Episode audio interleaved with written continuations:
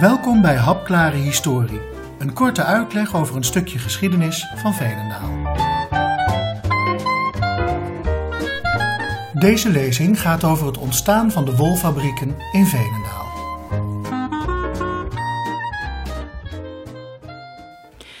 Het wolkammen en spinnen begint als huisnijverheid in de wintermaanden, als het buiten te koud en te nat is om turf te steken.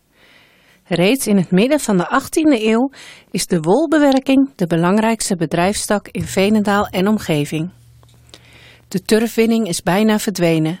De veengronden zijn uitgeput en de grond zo verarmd dat het alleen nog maar goed is om schapen te houden. Daardoor gaan steeds meer mensen hun brood verdienen in de wol. Het hele gezin werkt mee. De kinderen helpen bij het wassen, vader kampt en moeder spint. De wol wordt daarna verkocht aan ondernemingen in Holland, met name Leiden. Daar wordt de wol geverfd en tot laken geweven.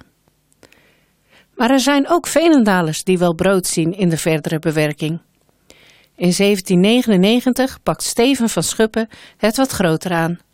Aan het Groene Woud, de huidige Zandstraat, begint hij met dertien knechten zijn eigen bedrijf. Hij koopt ruwe wol die in zijn fabriek gekamd en gewassen wordt. Daarna wordt het door een aantal vrouwen thuis gesponnen en in de fabriek geverfd en geweven. Het product dat hiermee ontstaat heet sayet. In Leiden ontdekt men intussen het machinaal bewerken van wol. De zoon van Van Schuppen, Dirk Steven, ziet opnieuw kansen. In 1837 besluit hij zijn wol machinaal te laten spinnen in Leiden. Maar dat valt niet goed in Veenendaal. De kleine zelfstandige wolbewerkers voelen zich hierdoor bedreigd. Niet alleen omdat daarmee de werkgelegenheid verdwijnt, maar ook omdat daarmee de sociale verhoudingen onder druk komen te staan. In de oude situatie waren de wolkammers zelfstandig en hadden daarmee enige economische macht. Door een schaalvergroting zouden veel van deze wolkammers hun zelfstandigheid kwijtraken. Door de maatschappelijke onrust besluit Van Schuppen nog heel even te wachten met deze stap. Een half jaar, half jaar later probeert hij het nog een keer en dan blijft het stil. En daarmee komt ook de industrialisatie in Veenendaal een stapje dichterbij. In de jaren 40 van de 19e eeuw zijn er in Veenendaal een aantal textielbedrijven. Behalve het bedrijf van Van Schuppen is er een hoedemakerij en de zogenaamde Calico-fabriek van burgemeester Van der Pol. En daar worden katoenenstoffen geproduceerd. Overigens zijn er in deze fabrieken nog nauwelijks machines aanwezig. De productie gebeurt vooral handmatig op spinnenwielen en weefgetouwen. In 1843 werken er in deze drie fabrieken in totaal 135 mensen. Ook zijn er naar schatting een paar honderd mensen die thuis spinnen voor de fabrieken. En daarnaast zijn er nog 85 bedrijven in de huisnijverheid waarin 175 mensen werken. Als in 1845 de spoorlijn Amersfoort-Arnhem gereed komt, met een station bij de Klomp, is er een nieuwe en veel snellere manier om het product van de wolfabrieken bij de afnemers te krijgen. Bij de watersnood van 1855 spoelt een gedeelte van de spoordijk bij de Klomp weg, maar dat wordt snel gerepareerd. Veenendaal wordt zwaar getroffen door de overstroming. De fabriek van burgemeester Van der Pol in het Achterkerk ligt hoog en blijft daardoor droog. En ook de andere fabrieken hebben weinig schade. Maar veel huizen zijn zwaar beschadigd of ingestort. En daarmee verdwijnt ook een groot deel van de huisnijverheid in de wolbewerking. Burgemeester Van der Pol moet vertrekken. En na een paar jaar verkoopt hij zijn fabriek aan een familie Bottenheim uit Amsterdam. En deze familie richt in 1861 de Veenendaalse stoomspinnerij op, ook aan de Zandstraat. Na verloop van tijd komt daar een weverij bij en daarmee is de grootste werkgever in de Velendaalse textielindustrie, de VSW, een feit. De fabriek groeit snel. Vijf jaar na de oprichting werken er al zo'n 500 mensen. Dirk Steven van Schuppen overlijdt in 1855. Zijn vrouw en minderjarige zoon nemen de fabriek over onder de naam Weduwe D.S. van Schuppen en Zoon. De eerste stoommachine wordt in 1858 geplaatst.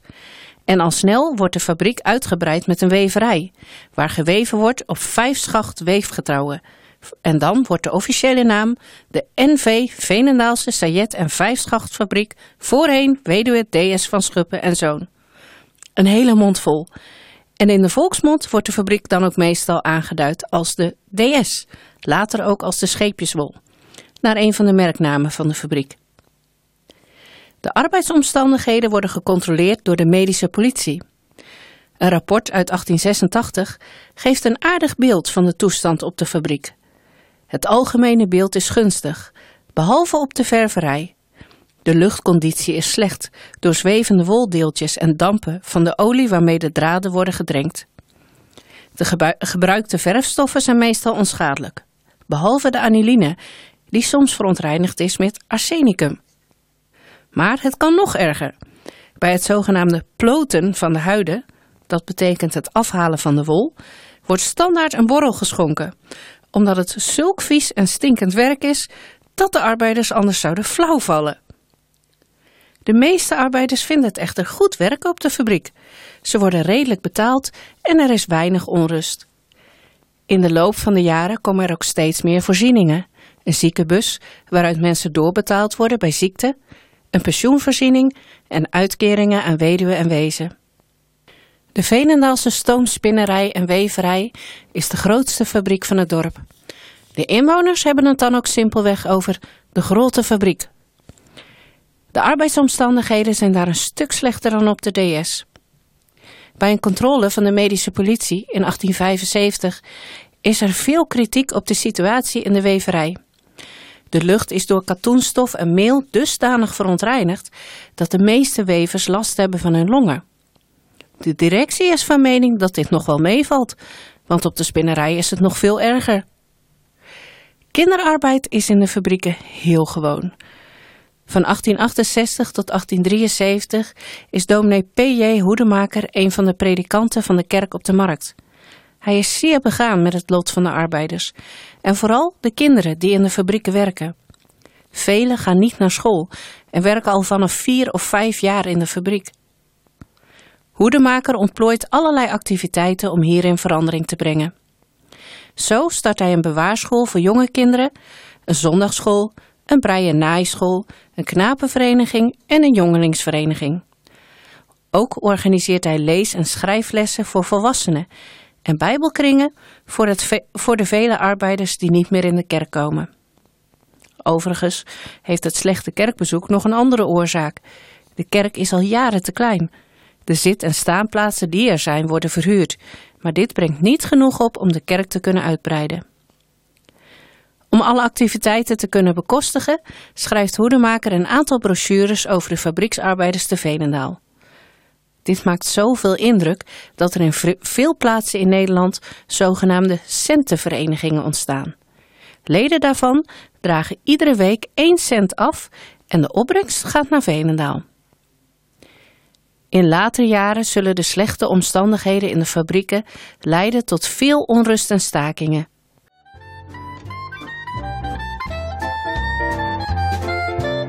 Bedankt voor het luisteren. Wil je meer ontdekken over de geschiedenis van Veenendaal? Ga naar gemeentearchief.veenendaal.nl